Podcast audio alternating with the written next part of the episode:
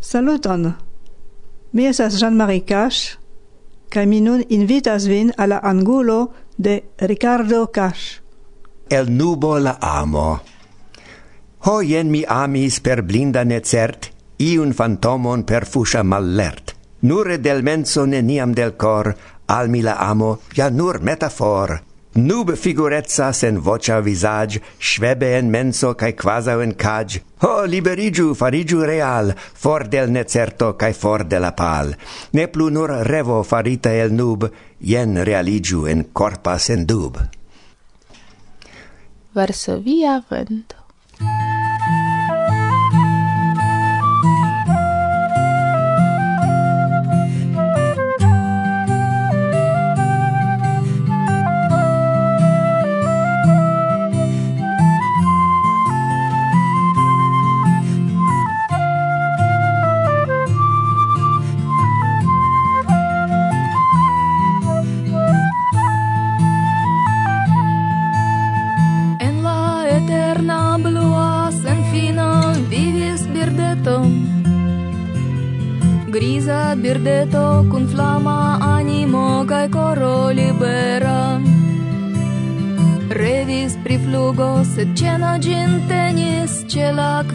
stato. En sata bon stato dolore gin genis vivo malvera. Foie ec vidis gi lumon brillantan ien for. Amo ec ardis cae canto ec flugis el birda cor.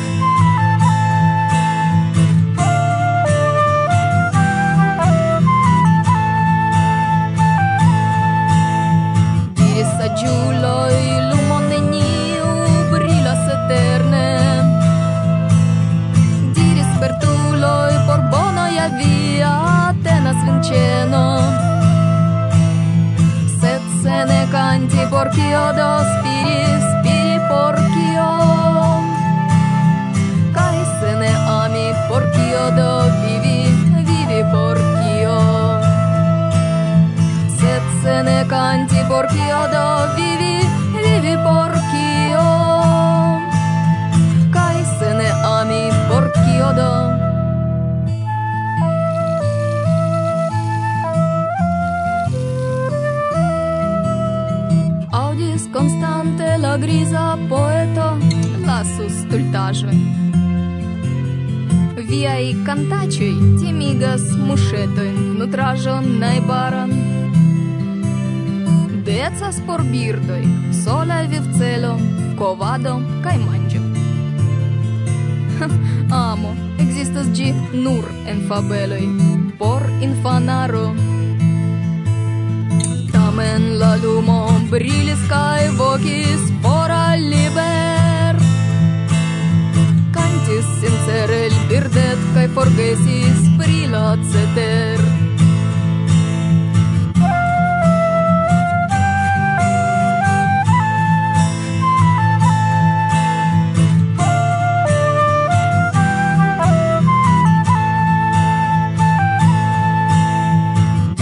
Julie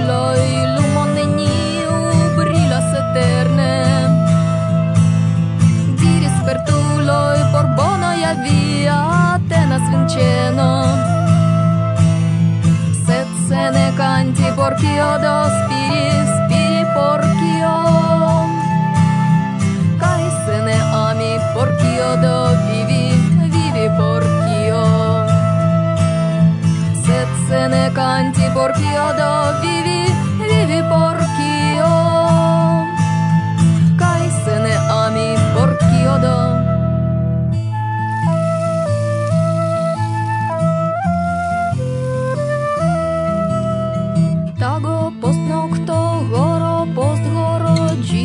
spiro Foje latigas bata de la coro en brusto cies. Ho kiom vane gil vivon el spezis concludis aliai. La grizan strangulon rapide forgesis birda socio.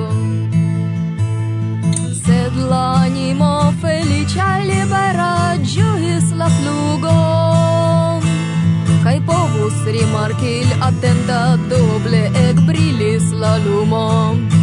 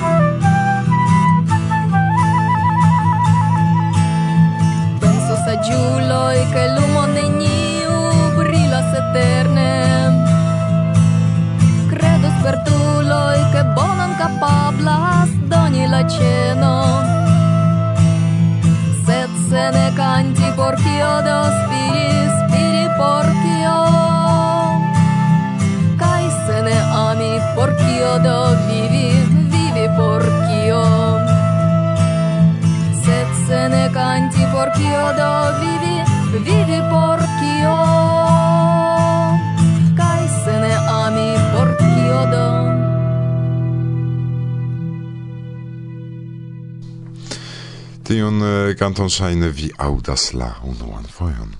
Mi audis giniam jam kelkaj pli frua. Ne, ne, mi parolas nun al niaj aŭskultantoj. Ah, no tial shine vi pravas.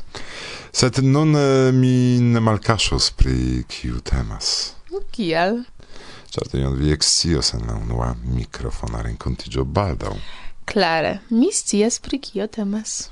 Kai vi, karaj, ekscios baldaŭ. Do? quasau familiale sento, char la filinon sequos la patro. Yes, sed ne gis fino, char la patron sequos ni amico Flo. Do, evidente ne tiu familio. Yes, kai la plei conatan musical doniston sequos alia amico nia Roman. Pri Zamenhof en Varsovio kai ne nur. Kai se demas pri Flo, nia mikrofona rencontigio estos iom pli longa ol kutime daurigon attentu en la sekva elsendo. Giuste. Cion tion illustros la autorain angulojn, compreneble? Kai kiel ciam speciale electita por vi musico. Do ec, char materialo estas abunda kai nie microfonai gastoi jam paciencas. Ek, bla, bla. Bla.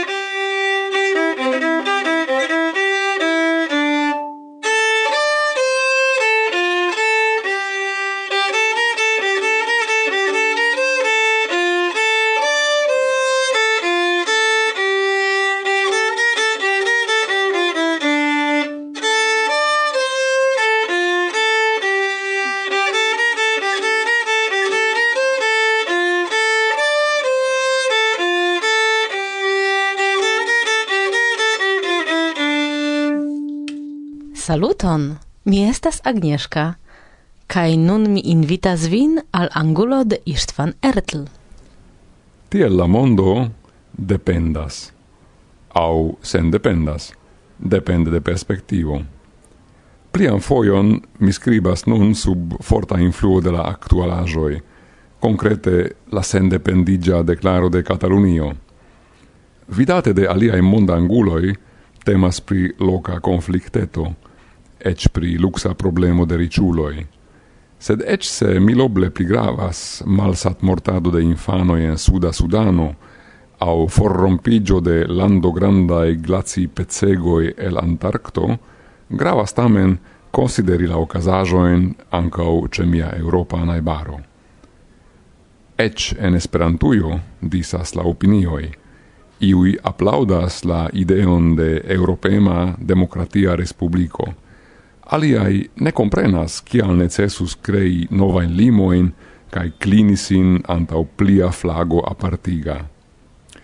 Cae disas la opinio, ec ene de mi mem. Coincide, mi jus legis hungaran romanon, edunitan en 2006, titolitan Civitana Milito. Por diri simplige, en Hungario, same en la jaro 2006, kie nun, politike alfrontas sin bloco naziisma, conservema, cae oppositiae partioi sub diversae etichedoi. La romano fictias che tiu politica contraustaro transformigas en sangan frat militon.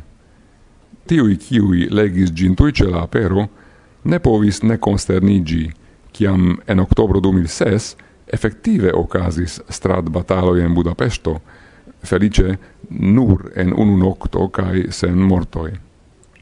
En la jaro 2010 demokratie vencis en la electoi la dextra partio Fides, cae gi regas gis nun. Tui en 2010 Fides oficiale declaris che nur gia alveno en la potenzon signifas veran ex-comunismigion de Hungario, cae gi affisigis en oficialae locoi declaron pri regimo de nazia cun laboro. En Catalunio, multae credas che nur sendependa lando estas garantio por bona estontezzo, cae multae credas male. En Hungario multae vosdonis cae vosdonos por fides, sed multae balotos malpore.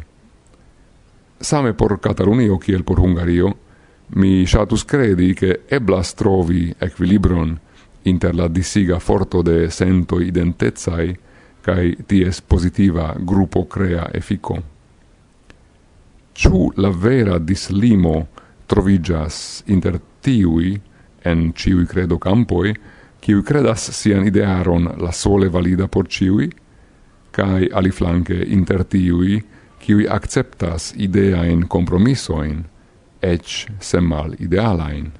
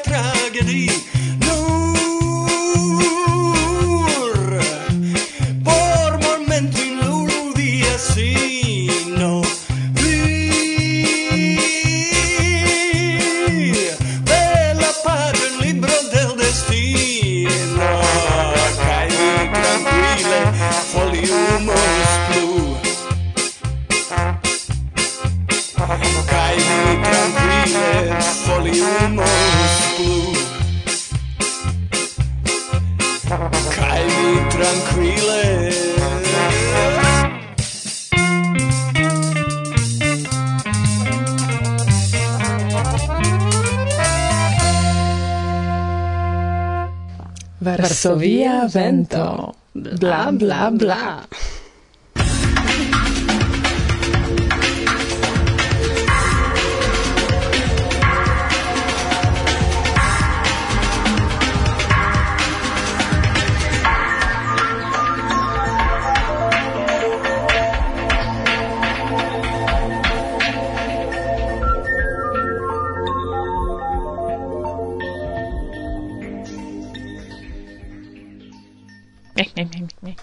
Vi instruas en universitato esperantologion, vi verkas librojn, sed ĉu kiel malgranda Saŝka vi eksciis pri Esperanto aŭ vi estis pli matura jam? Сашка ми повас ести нун mia мия sed сед кем estis juna, mi preferis esti Aleksandro Melnikov aŭ Aleksandro Sergejevič Sergejevič estas mia patronomo. Do, la afero estis sufiĉe simpla. Mia patrino venis kaj diris, ke ŝi vidis strate afiŝon, ke oni invitas al Esperanto rondeto. Kiom da jaroj tiam vi havis? Tiam mi havis dek kvar jarojn, kai char eh, tio estis tre stranga kai mi tre ŝatas strangaĵojn mi decidis veni aŭskulti kaj rigardi kio estas Esperanto Cio stranga interesas min. Mi faris, kaj venis cento da personoj. Post unu fojo venis quindeco, ancora poste dudeco, cae finis la curson du. Mi cae ancora unu, cae tiu ancora unu illustris la faman poemon de Schwarz. Ec esto cae malapero de esperantisto, cae gi finigas per la vortoi «Edzino fino». Do tiu dua edzigis kai malaperis de la firmamento. Evitamen restis. Kial? kiam oni demandas min ekzemple kiam vi naskiĝis mi diras oficiale mi naskiĝis en kvindek unu sed Fakte mi naskiĝis en 65. 65 estas la jaro kiam mi konatiĝis kun Esperanto kaj mia tuta vivo estis ligita kun Esperanto, kiu donis al mi aron da travivaĵoj pozitivaj kaj negativaj, negativaj ne pro Esperanto, sed pro aliaj aferoj, ekzemple pro veturoj kaj diversaj fi aventuroj dum veturoj, sed nun rememorante tion Mi fakte ĝojas ke tio okazis, mi spertis aferojn kiujn aliaj neniam havis. Kelkajn horojn mi estis en prizono en alia lando, foje mi estis priŝtelita en unu tago dufoje tiel, ke mi restis kun nenio en Italio. Foje mi dum tridek tri tagoj ne povis forlasi Hispanion, pro tio, ke mi ne havis transitan vizon. E, estas Nun ili estas amuzaj aventuroj. Tie, tiam ne, sed nun estas amuzaj. Kaj pri kio vi okupiĝas profesie, ĉar ŝajne ne pro Esperanto vi manĝas ĉiutagan panon? tio nur ŝajnas al vi. Parte mi manĝas pro Esperanto, do kiam mi finis du jarojn da studado en kemia fakultato, mi komprenis, ke mi devas verki disertacion, sed ne pri kemio, sed pri Esperanto. Kiel Mikaelo Povorin. Ne tute, ĉar li vere estas kemiisto kaj mi estas nur diplomita kvazaŭ kemiisto, mi diru, kvankam dum dek jaroj mi instruis kemion. Tute normale instruis. Do, tiel okazis, ke Esperanto mult foje helpis min en praktikaj aferoj. Ekzemple dum la naŭdekaj jaroj, kiam en Sovetunio, eh, fakte jam ne plu Sovetunio ekde la naŭdekunua, estis katastrofo, perestrojko fariĝis katastrojko. Ankaŭ mi devis serĉi rimedojn por vivi kai min savis Esperanto. Min oni invitis por kursetoj, por prelego kaj tel plu donis poŝmonon, se tiu poŝmono estis mono por Sovetio kaj tel mi travivis. ech mian lastan postenon mi ricevis dankal Esperanto, kvankam tiu posteno estis instruisto de la angla lingvo, sed okazis tio ke en iu Esperanta renkontiĝo aperis profesoro kiu aliris min kaj diris ke la academio, kie li laboras, bezonas homon, kiu kapablas instrui Esperanton kaj estas doktoro de sciencoj. Kaj en tiu momento mi ja estis doktoro kaj mi diris bone mi faros al vi senpagan kurson sed vidungu min kiel konstantan kiam docenton poste profesoron pri la angla. Do, Esperanto nu ne vere savis mian vivon, sed multe kontribuis al praktikaj aferoj, kiu estas eble ne ofta. Eĉ pli malpli kvin jarojn mi estis pagata prezidanto de Esperanto-klubo. Kiel mi sukcesis, kiu pagis? Dek pagis mi mem, en tiu senso, ke mi devis akiri monon por la klubo, kaj el tiu mono mi ricevis salajron. Ne, ne estis, ke mi vivis el la membrokotizoj au ke iu instanco pagis. Ne, mi devis trovi la monon kaj tiam mi havis. Revo de, de trancita capo che chef redaktoro de Varsovia Vento havus salai. Ah. Gis nun mi mem subtenas tion cion. Sed ne pri tio temas pri la voĉo kiu komencis uh, nian elsendon hodiaŭan. Do nun malkaŝiĝas iu sekreto. Estis eh, Elena, ah. via filino, ĉu? Yes, ĉu feliĉe, ĉu malfeliĉe, sed si ja aperis, mi gioias che si aperis.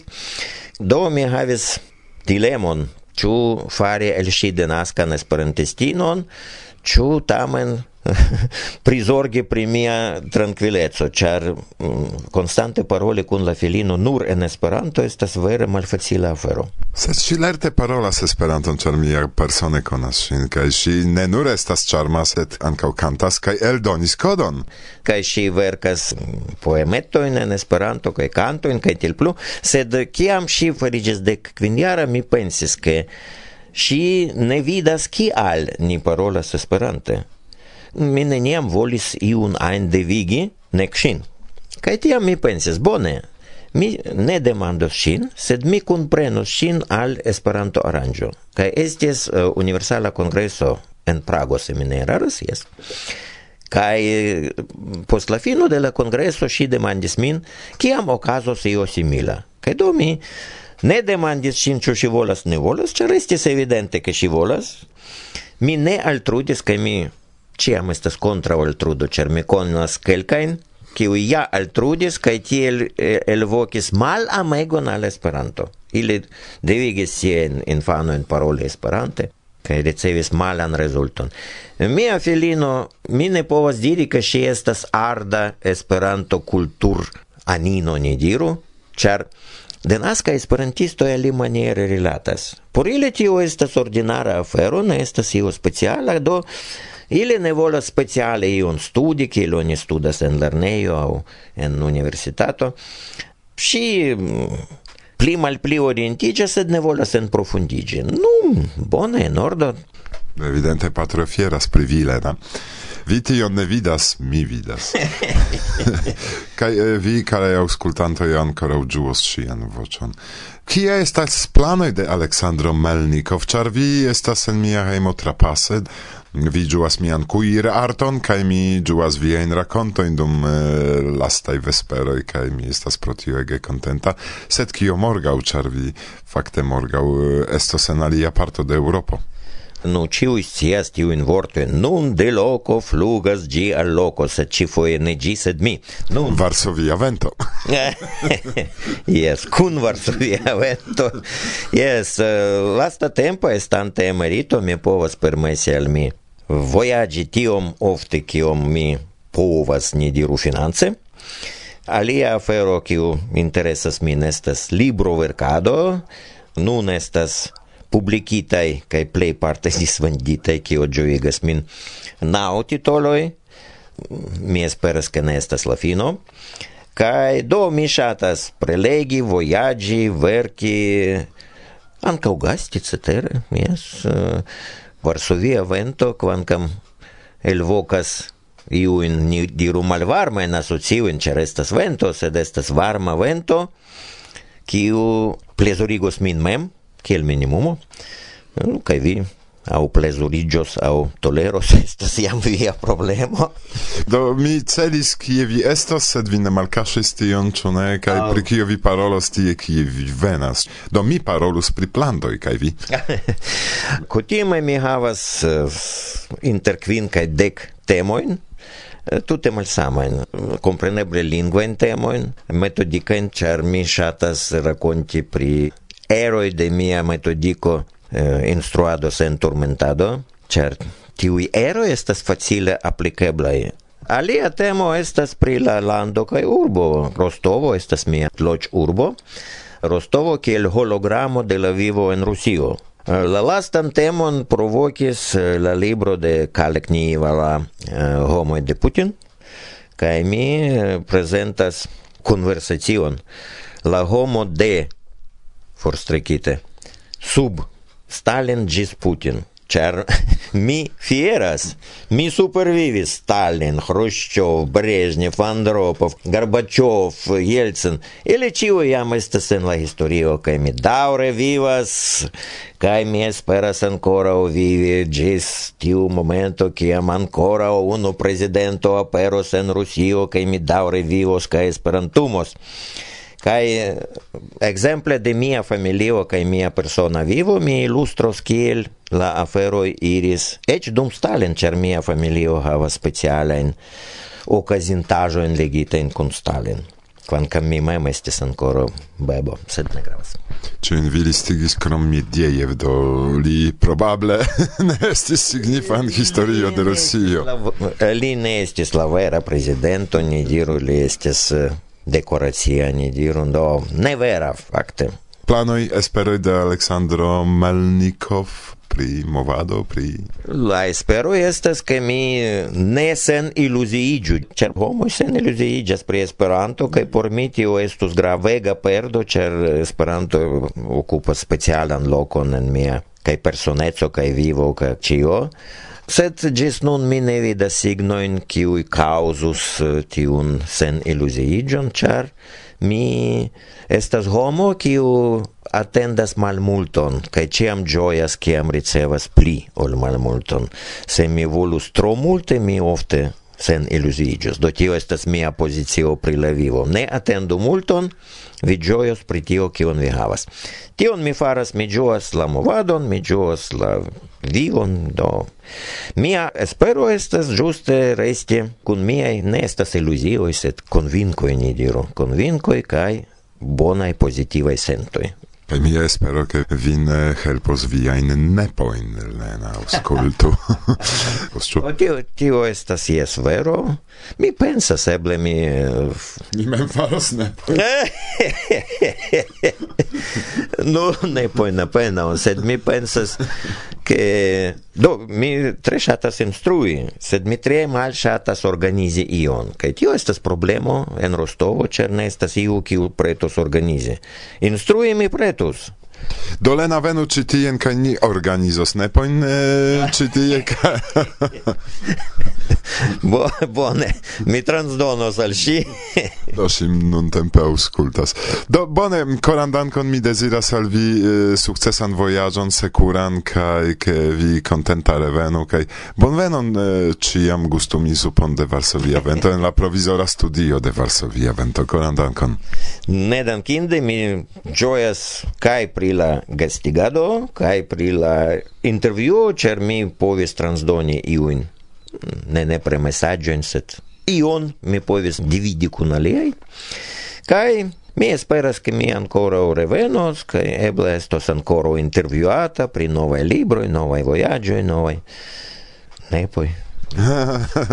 Secreto kiu ni malkaŝas santa vi, mm, che ni con Alexandro registris por anguloj de Alexandro set eh, Pe kio estos la anguloi?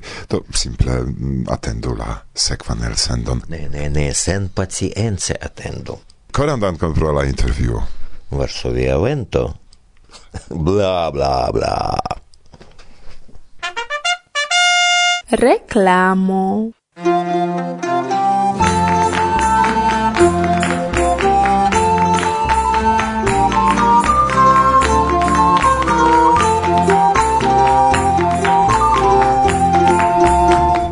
Shatas semi Esperanton? Informi homoin pri la lingvo internacia? Se yes, tiam naskiĝas bona okazo aligi al agado de aliai, kiuj de kelkaj jaroj organizas specialan semajnon de la Esperanto-semado. Kie? En la urbo de Jomo. Jes! Inter la deka kaj dudeka de marto en Toulouse, kie oni parolas ankaŭ la okcitanan, Invitas vin al la agado da loca loka esperantistaro, inter kiu ce la okazo vi renkontos konatajn personecojn de nia movado. Venu contribui la printempan semadon de Esperanto. Estu ni kune dum tiuj ĉi tagoj por aktive, plezure kaj distre pasi komunan tempon. Tuluzo invitas kaj pretas malkovri antaŭ vi sian violan ĉarmecon. Ne prevenu agi kune! Ne lasu nin semisolaj.